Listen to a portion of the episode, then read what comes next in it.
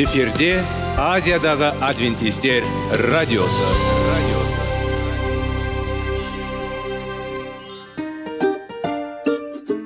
Сәлем достар.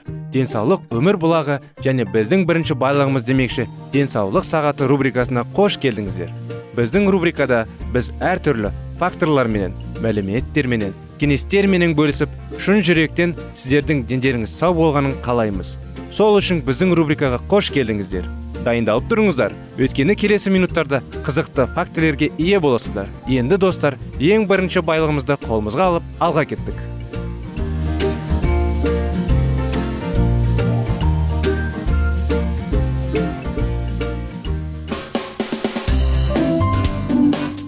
Денсаулық туралы хабар. Денсаулықтың ашылуы. Күн сайын сөз үшін күшті кеңестер соңғы жаңалықтар қызықты факторлар. Біздің рубрикада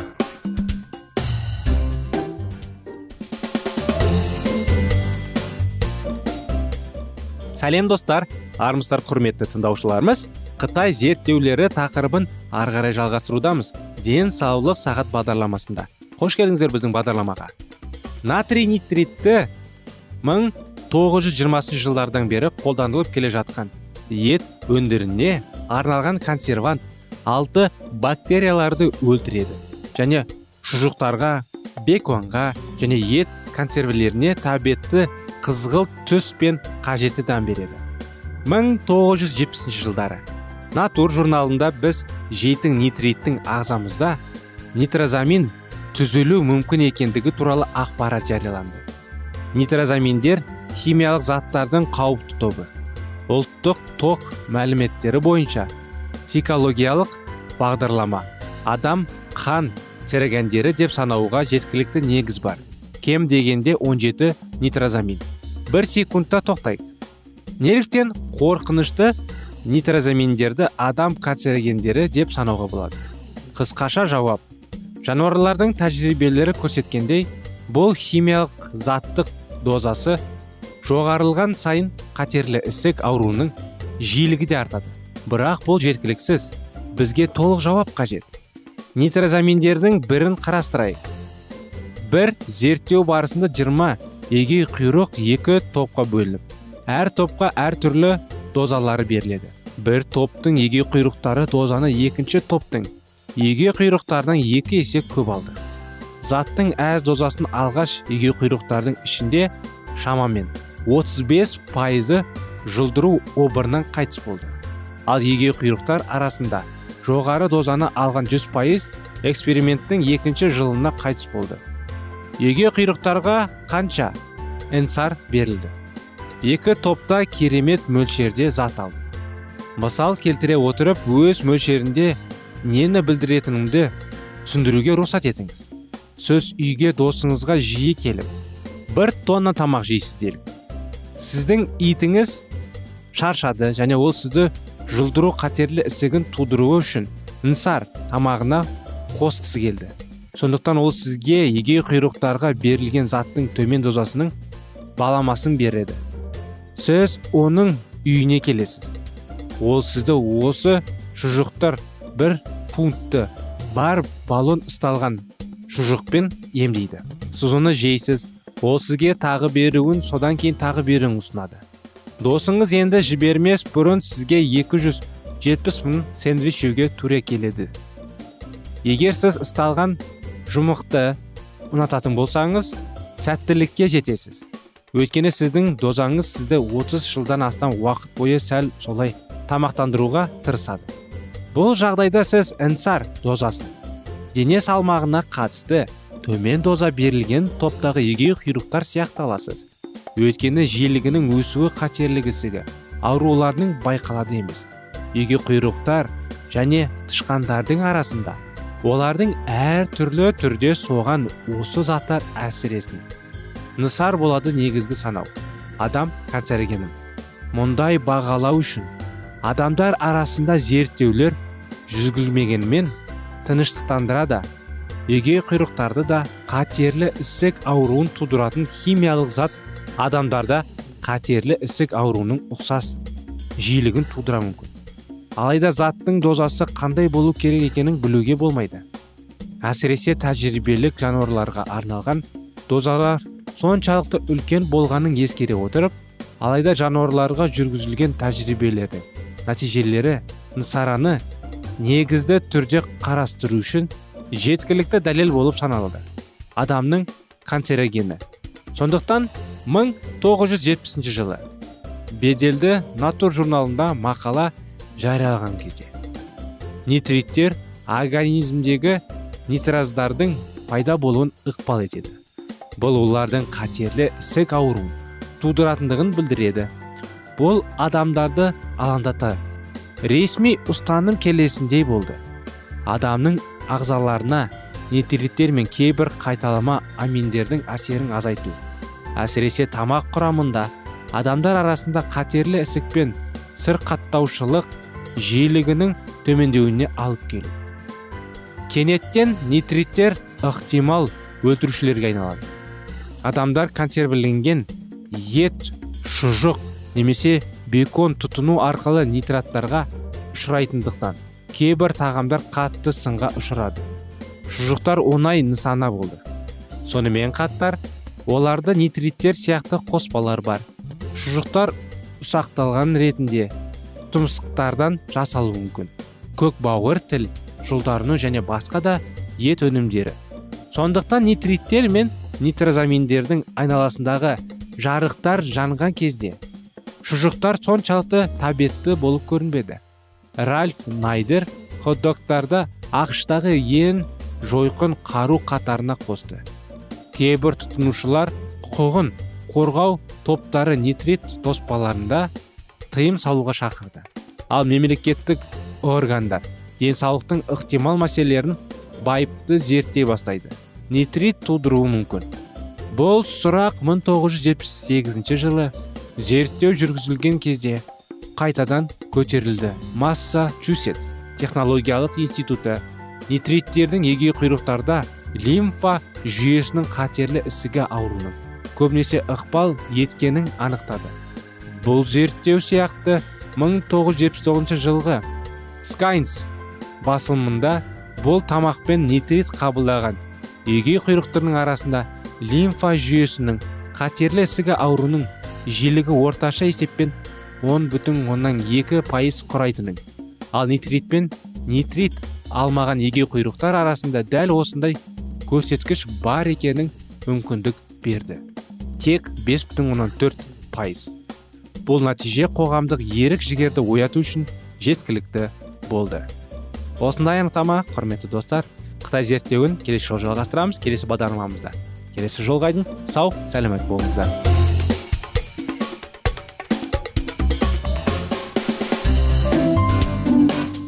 Денсаулық туралы хабар. Денсаулықтың ашылуы.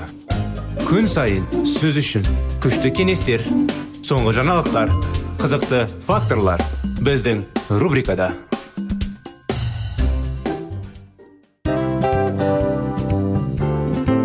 Әуелі байлық денсаулық екінші байлық он саулық үшінші байлық ақ жаулық. Ал енді осындай радио парақшадан кейін не дейміз?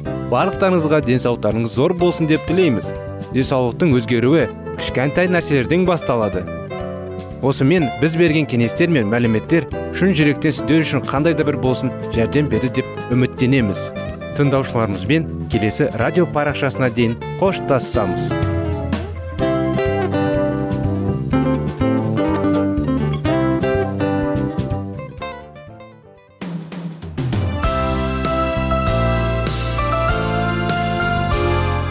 эфирде азиядағы адвентистер радиосы.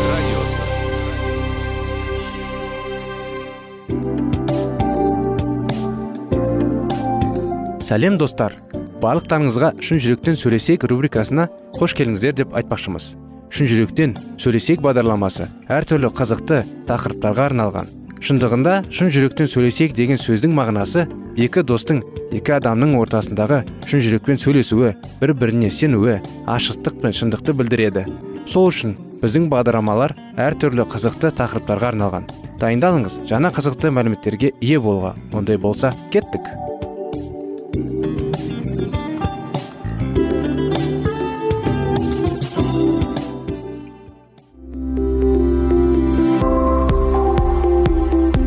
Алтын сөздер.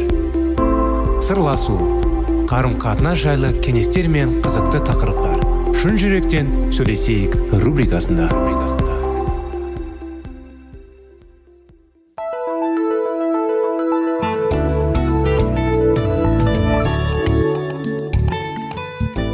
Армысыздар сәлеметсіздер ме құрметті радио тыңдаушыларымыз? Сіздермен бірге шын жүректен сөйлесейік бағдарламамыз. Сіздердің назарларыңызға 25 керемет неке жайлы оқиғаларды жалғастырудамыз. Сонымен ерлі зайыптылық өмірде біздің жеке сызбаларымыз бойынша өз некелерімізді құруға шығармашылық жасауға жаңағындай келісімшарт болады. Барлық тіршілік аясы бір бірінен ерекшеленеді және де өмір кездестеріне сәйкестене отырып еркін түрде өзгере алады. Мысалы әрбір отбасында балалары үйлі болып өз үйінің кететін кезеңге қарай жылжиды делік бұл дегеніміз арада азғантай ғана уақыт өткен кезде біздің үйге тағда тек бір ғана ұйықтайтын бөлменің қажет болатынын білдіреді.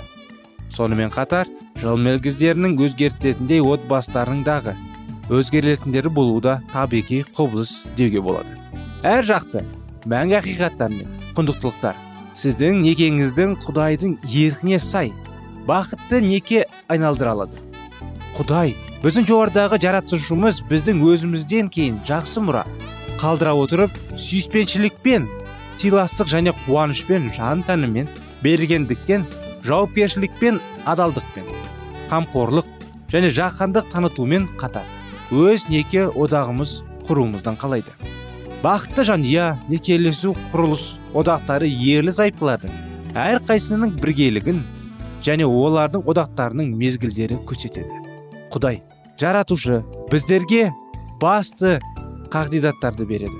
Бірақ әркімнің өз ойын білдіру үшін орын қалдырады. Ол әртүрлілікті жақсы көреді. Оның жаратқан затының бір рет қана көз тұту осында дәлелдейді.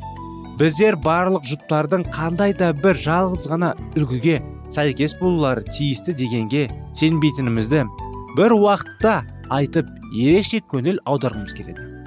Қазіргі уақытта әрине заманында да десек болады жиі жағдайда ерлі зайыптылардың екеуі де жұмыс істейді.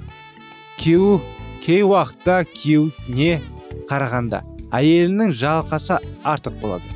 Әйелінің ақша табуға қабілеттілігі оның күйеуіне мойынсұну алмайтынын немесе еркектің үйдің басшысы болудың қойған дегенді білдірмейді.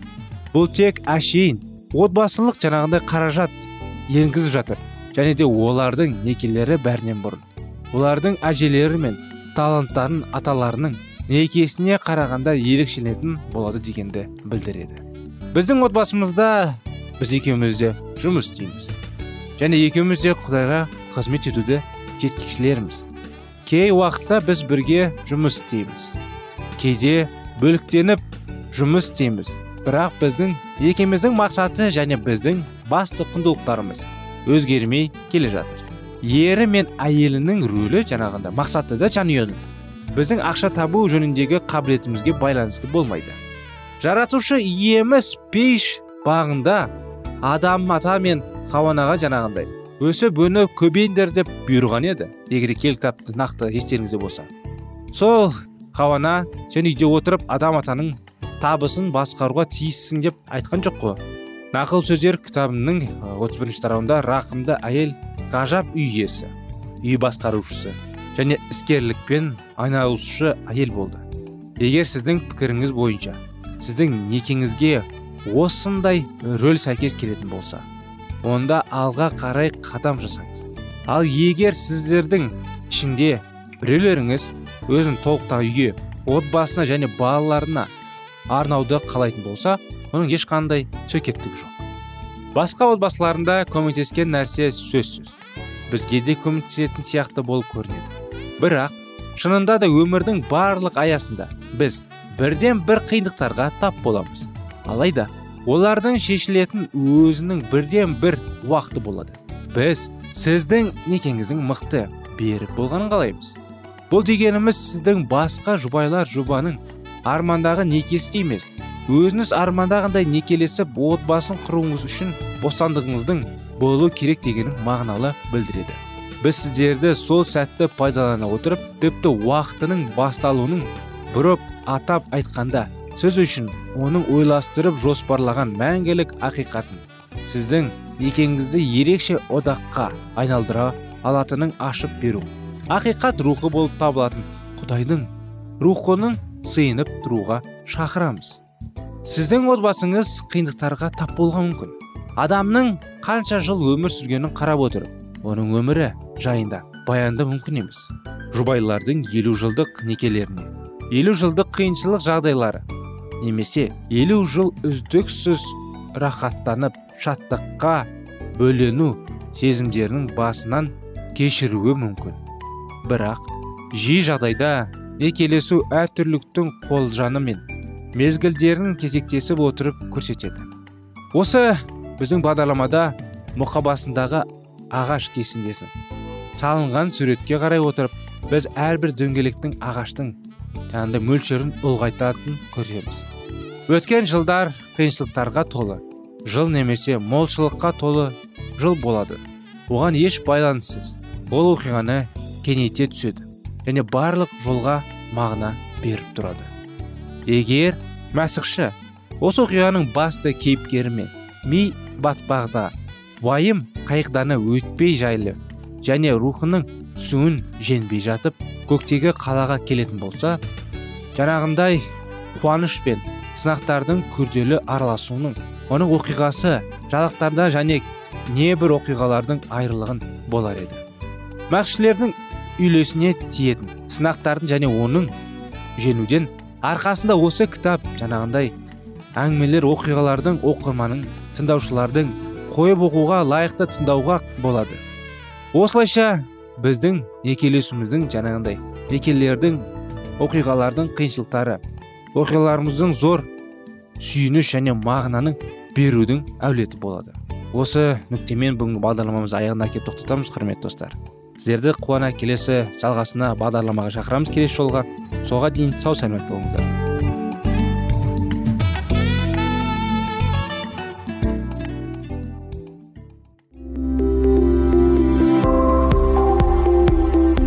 Алтын сөздер.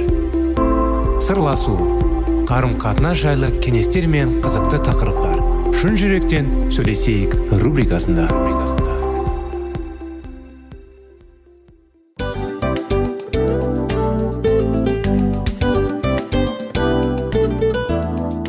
Құрметті достар барлық ең соңғы кеңестер аяқталған соң біздің программамыз соңына келіп қалды.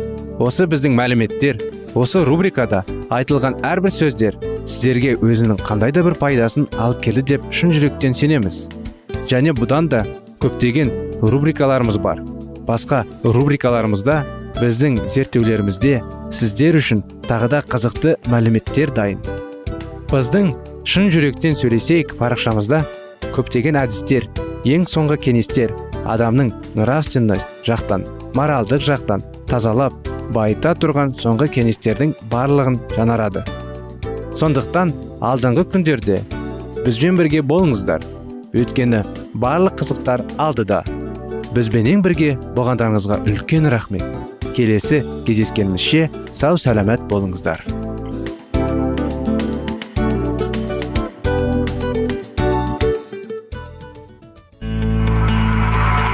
Дүниеңді байытқан жүрегіңді жаңғыртқан өмірдің мағынасын ойландырған рухани жаңғыру рубрикасы.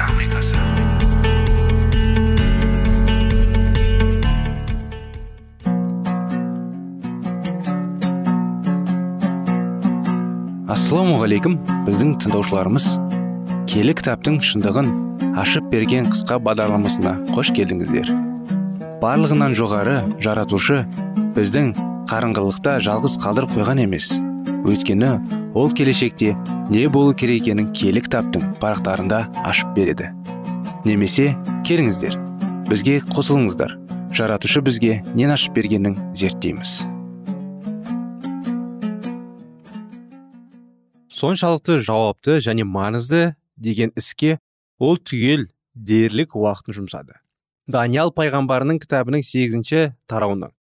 2300 жылдардың қай кезден басталатынына жауап таба алмады.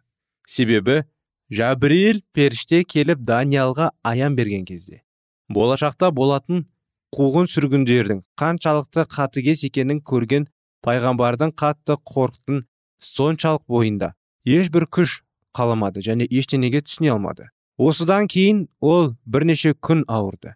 Құдай өзінің әуеліне оған осы аянды ұғындыр деп бұйрық берді. Сондықтан періште оған аяның мағынасын толық ұғындыру үшін екінші рет келді. Сөздің мағынасын барлай біл және аяның мағынасын түсін. Сегізінші тарауда сипатталған аянда түсініксіз қалған маңызды пункт бар. Атап айтқанда 2300 күн туралы уақыт аралығы. Сондықтан екінші рет келген кезде періште пайғамбардың уақытқа қатысты сұраққа дұрыс көңіл бөлу талап етті. Сенің халқың мен киелі қала үшін жеті рет жетпіс уақыт береді. Енді барлығы дұрыстап ұғып ал. Иерусалимнің қайрадан салынуына бұйрық шыққаннан соң иса мәсіхке дейін жетінші рет жеті және алпыс екі рет жеті уақыт өтеді. Осы мезгілде халық қайтадан оралып қаланы қалпына келтіреді. Бірақ өте қиын уақытта. Алпыс екі рет жеті мезгіл өткен соң иса өлім жазасына ұсынылады. Бір рет жеті мезгілі көпшілікке өсиетті мойындатып бекіткізеді. Жетінің жартысы өткен кезде құрбан шалу тоқтатылады. Періште даниялдың түсінбейінен қайталап түсіндіру үшін келген болатын. Халқын мен киелі қалана жетпіс рет жеті уақытта тағайындалды деді. Тағайындалды деген сөз қиылып алынды деген мағынаны білдіреді. Жетпіс апта бұл яхудилер үшін қиылып алынған 490 жыл. Сонда ол қайдан қылып албақшы сегізінші тарауда берілген жалғыз ғана мезгіл 2300 күн болғандықтан 70 апта 2300 күннен алынады. Және осы екі уақыт аралығы бір мезгілде басталады. Періштенің түсіндіруі бойынша бұл 70 апта иерусалимнің қайта құрылуына бұйрық шыққан кезінен басталады. Айтулы бұйрықтың қай күйінде шыққанын білесек 2300 күннің қай кезден басталатынын шығарып алу қиынға соққан болар еді. Киелі кітапты ары қарай зерттей келе. Езра пайғамбары кітабының жетінші тарауынан бұл бұйрықтың қашан шыққанын білеміз. Бұл бұйрық парсы елінің патшасы артаксеркстің қалдауымен исаға дейінгі 457 жылы шыққан езра кітабында былай делінген. Құдай үйі алланың бұйрығы бойынша кир дари және парсы патшасы артаксеркстің ұсынысы бойынша қайта салынды. Үш патша кемеліне жетекше сарпаттап ақылдасып аянға сәйкес айтаулы. 2300 күннің басталатын мезгілінде бұйрық шығарған. Иса туғанға дейінгі айтулы бұйрық шыққан. 457 жылдан сынақ нүктесі деп алсақ 70 рет жеті аяны жайлы толық мағлұмат аламыз.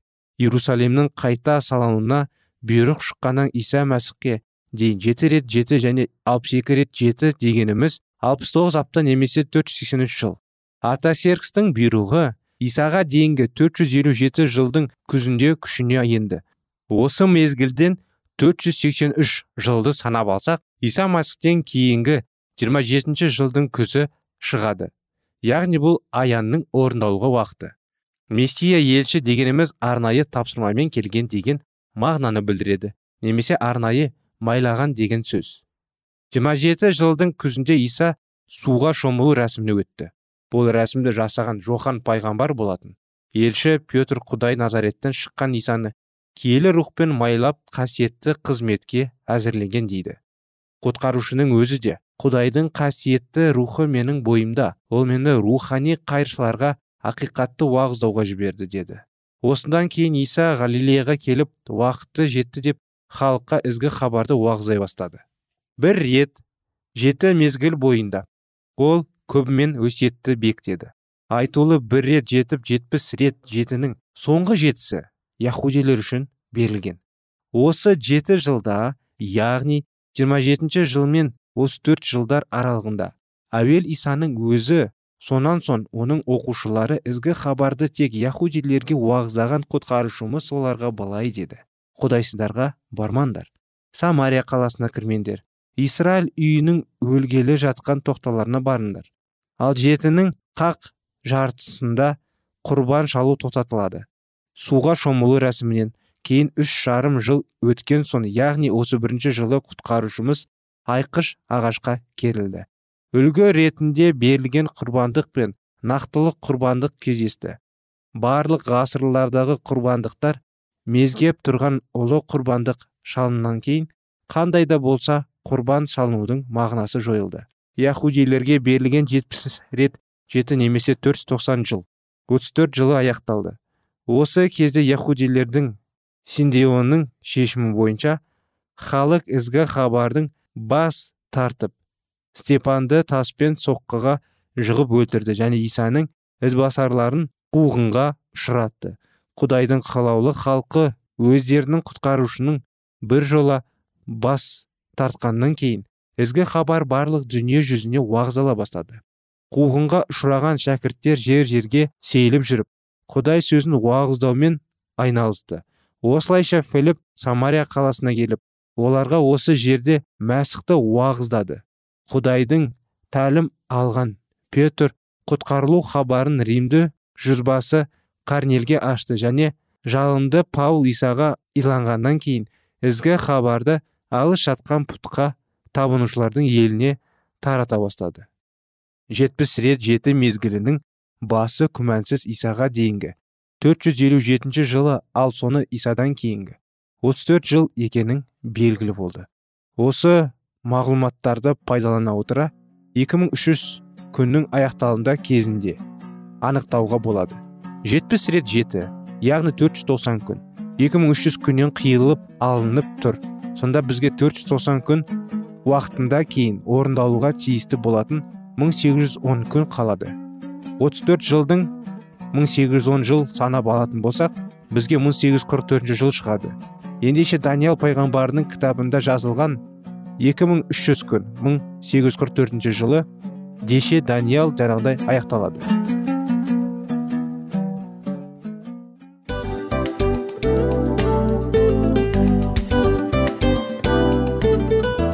Достар біздің радио парақшамыз өзінің соңына келіп те қалды. Демек бұл программамыздың қорытындысын айта кету керек. Негізі істің басталып жатқаның қуанту керек пе? Әлде оның қорытындысы қуанту керек пе? Сіздер қалай ойлайсыздар? Меніңше қорытындысы деп ойлаймын. Себебі жасаған ісінің жемісін көріп қорытынды арқылы бағалап жүрегін қуантады. Баяғыда айтқандай бидайды сепкенде емес бидайдың жемісін жинаған кейін ыстық нанды жегенде кәдімгідей рахаттанасың ғой. Осымен біздің бағдарламамыздың аяғында тыңдаушыларымыз қандай пайда алды екен деген ойдамыз. Егерде өткен сфераларда пайдалы кеңес алған болсаңыз біз өзіміздің мақсатымызға жеткеніміз. Бүгінгі 24 сағаттың алтындай жарты сағатын бізге бөліп ардағаныңыз үшін рахмет. Келесі кездескенімізше қош сау болыңыздар. Достар біздің бағдарлама бойынша сұрақтарыңыз болса әрине сіздерге керекті анықтама керек болса біздің whatsapp нөмірімізге хабарлассаңыздар болады. Плюс бір үш жүз бір жеті жүз алпыс алпыс жетпіс. Иә достар сіздер қателеспедіңіздер бұл біздің номерлерге ұқсас болмаса да бұл whatsapp номер арнайы. Хабарласыңыздар сұрақтарыңызды қойып тұрыңыздар. Анықтаманы алып тұрыңыздар. Плюс бір үш жүз бір жеті жүз алпыс алпыс жетпіс whatsapp номері